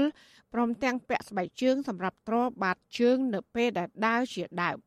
ម្ចាស់ clinic មេតានៅរាជធានីភ្នំពេញលោកវិជ្ជបណ្ឌិតហៀងរតនាមានប្រសាសន៍ប្រាប់បច្ចុប្បន្នស៊ីស្រីថាភ្នាក់ច្រើនអ្នកឈឺក្បាលជង្គង់ច្រើនតែជាមនុស្សស្រីនឹងឡើងទម្ងន់ខ្លាំង លោកវិជ្ជបណ្ឌិតបន្តថាប៉ះសិនបាននៅតែបន្តដើរនោះរឹតតែនាំឲ្យឈឺក្បាលជង្គង់កាន់តែខ្លាំងពីព្រោះទម្ងន់វាសង្កត់ទៅលើជើង ជាពិសេសក្បាលជង្គង់យើងឃើញថាឈឺក្បាលជង្គង់ភាគច្រើនបំផុតគឺកើតទៅលើមនុស្សស្រីហើយភាគច្រើនគឺចាប់ពីអាយុ50ឡើងនៅពេលដែលគាត់អស់រដូវណាហើយនៅពេលដែលគាត់អស់រដូវគឺឆ្អឹងអីហ្នឹងគាត់ចាប់ចាប់ដើមពុកផុយហើយយើងសង្កេតឃើញទៀតថាអ្នកដែលឈឺក្បាលជង្គង់ភាគច្រើនហ្នឹងគឺអ្នកដែលលើសគីឡូ ដល់ពេលអញ្ចឹងយើងអាចទី1នៅពេលដែលគាត់ចាប់ផ្ដើមអស់រដូវគាត់គួរតែញ៉ាំជាតិកាល់ស្យូមឲ្យបានច្រើនដូចជាទឹកដោះគោស្រស់ឬក៏ជាតិកាល់ស្យូមទៅជាប្រចាំថ្ងៃទៅហើយនឹងមួយទៀតគាត់គុំត្រឡប់ឲ្យគាត់ធាត់លើគីឡូហ្នឹងគឺសំខាន់បំផុតហើយបើគាត់ធាត់គាត់នៅដើរវាអាចទៅតែធ្ងន់ណាប៉ុន្តែបើគាត់អង្គុយគាត់យល់ជើងទៅវាអាចវារលាស់ល្អបើយើងអង្គុយយល់ជើងផ្សេងយើងដើរផ្សេងបើដើរវារងធ្ងន់អញ្ចឹងវាកាត់ក៏គិតកាន់តែខ្លាំង គេហទំព័រសុខភាព WebMD នៅសហរដ្ឋអាមេរិកឲ្យដឹងថាប៉ះសិនបើជង្គង់ឈឺឬក៏ហើមត្រូវបញ្ឈប់ការដើរហាត់ប្រាណរត់ឬក៏លេងកីឡាមួយរយៈសិនដោយស្អំនឹងតកកឬក៏លេបថ្នាំបំបត្តិការឈឺចាប់និងនៅពេលគេងត្រូវតែដាក់ខ្នើយកលពីក្រោមក្បាលជង្គង់អ្នកជំនាញផ្ដល់យោបល់ថាជំនួសឲ្យការដើរឬក៏រត់អ្នកដែលឈឺសន្លាក់ជង្គង់អាចត្រូវយកការហែលទឹក និងហាត់យូហ្គាដើម្បីកាត់បន្ថយសម្ពាធរបស់ទម្ងន់ខ្លួនទៅលើសន្លាក់ជង្គង់ក៏ប៉ុន្តែប្រសិនបើប្រើវិធីសាស្ត្រទាំងនោះអស់រយៈពេលរហូតដល់2សប្តាហ៍ហើយនៅតែមិនបាត់ឈឺជង្គង់ទៀតគឺត្រូវទៅជួបពិគ្រោះយោបល់ជាមួយគ្រូពេទ្យជំនាញចំពោះការហាត់ប្រាណដើម្បីពង្រឹងសាច់ដុំនិងជួយជង្គង់ឲ្យបត់បែនដោយស្រួលវិញគេហទំព័រ WebMD បង្ហាញពីវិធីសាស្ត្រមួយចំនួន ដូចជាគេងដាក់ខ្នងនៅលើក្តារឬក៏ឥដ្ឋ បត់ជង្គង់ម្ខាង និងជង្គង់ម្ខាងទៀតលាតឲ្យត្រង់លើកជើងឡើងលើឲ្យខ្ពស់ដោយបដូរពីជង្គង់ម្ខាងទៅម្ខាងទៀតហើយធ្វើដូចគ្នាចំនួន15ដងវិធីមួយទៀតគឺពង្រឹងសាច់ដុំនៅពីក្រោយផ្លូវដោយដេកផ្កាប់មុខដាក់ជើងទាំងពីរលាតឲ្យត្រង់ហើយព្យាយាមលើកជើងម្ខាងម្ខាងឲ្យបានខ្ពស់តាមតែអាចធ្វើបាន និងធ្វើឲ្យបាន15ដងសម្រាប់ជើងម្ខាង ចានៅមានវិធីជាច្រើនទៀតដូចជាឈរឲ្យត្រង់ពីក្រោយកៅអីលើកជើងម្ខាងម្ដងមួយម្ដងមួយដោយដាក់ទម្ងន់បន្ថែមពីចន្លោះ1គីឡូក្រាមទៅ3គីឡូក្រាមដើម្បីពង្រឹងសាច់ដុំជើងជាដើមគ្រូពេទ្យជំនាញឯកទេសទូទៅលោកប្រចាក់បណ្ឌិតហៀងរតនាមានប្រសាសន៍បន្តថាអ្នកឈឺក្បាលជង្គង់ជាដំបូងគឺត្រូវសម្រកទម្ងន់ដើម្បីកុំឲ្យដាក់សម្ពាធខ្លាំងទៅលើជើង ជាពិសេសលើក្បាលជង្គង់ ហើយដើរហាត់ប្រាណពុតដៃពុតជើង ដោយអង្គុយយោជើងឲ្យបាន15នាទី2ដង ក្នុងមួយថ្ងៃក៏ប៉ុន្តែប្រសិនបើនៅតែឈឺទៀតគ្រូពេទ្យនឹងផ្ដល់វិធីសាស្ត្រព្យាបាលទៅតាមកម្រិត នៃស្ថានភាពក្បាលជង្គង់នោះដូចជាចាក់ថ្នាំស្ពឹកនៅកន្លែងឈឺជង្គង់ដើម្បីកាត់បន្ថយការឈឺចាប់បានចន្លោះពី3ទៅ6ខែហើយនៅពេលដែលជួបគ្រូពេទ្យជាដំបូងគឺត្រូវរកមូលហេតុដែលធ្វើឈឺហ្នឹង តែគឺច្រើនខ្ញុំនិយាយគឺបើស្ដារវាសឹកឆ្អឹងខ្ចីនៅជង្គង់ហ្នឹងអញ្ចឹងគេអាចឲ្យជាពពួកកាល់ស្យូមនិងពួកថ្នាំកូលីកូសាមីនដំបូងគេអាចប្រើជាថ្នាំញ៉ាំថ្នាំញ៉ាំថ្នាំរឹតអញ្ចឹងទៅហើយបន្ទាប់មកគេអាចចាក់ហើយទ្រីដាំស៊ីណូឡូនដើម្បីបន្ថយការរលាកនិងកកិតចាក់ទៅក្នុងជង្គង់នឹងហ្មងអាហ្នឹងការព្យាបាលជំរឿនបន្ទាប់នឹងចុងក្រោយគេបំផុតករណីដែលជង្គង់នឹងខូចខាតខ្លាំងគឺមានវះកាត់ដូរឆ្អឹងសន្លាក់ជង្គង់នឹងឥឡូវហ្នឹងគឺទំនើបនៅស្រុកខ្មែរក៏មានដែរ ក្រមវិជ្ជបណ្ឌិតជំនាញផ្នែកវះកាត់ទម្រង់ឆ្អឹងនិងជង្គង់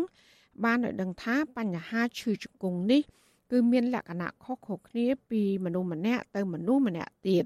ហើយខ្លះរងរបួសដោយសារការលេងកីឡា ការរត់ច្រើនហួសហេតុពេក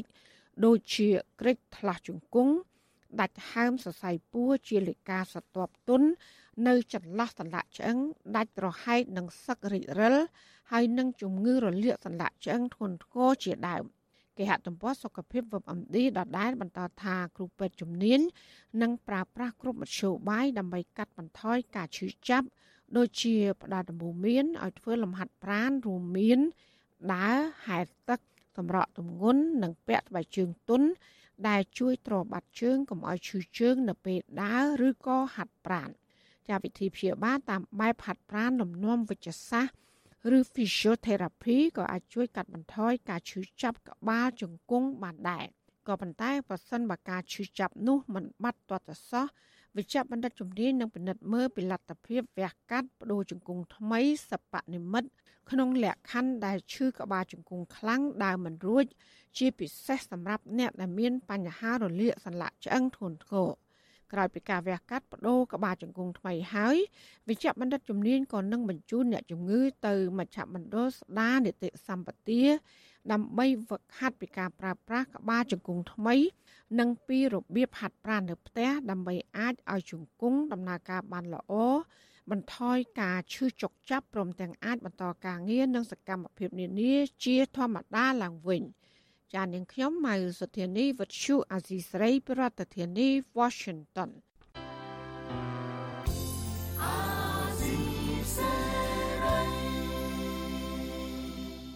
លោកអ្នកនាងកញ្ញាប្រិយមិត្តជាទីមេត្រីការផ្សាយរយៈពេល1ម៉ោងរបស់វិទ្យុអាស៊ីសេរីជាភាសាខ្មែរនៅព្រឹកនេះចាប់ត្រឹមតែប៉ុណ្ណេះ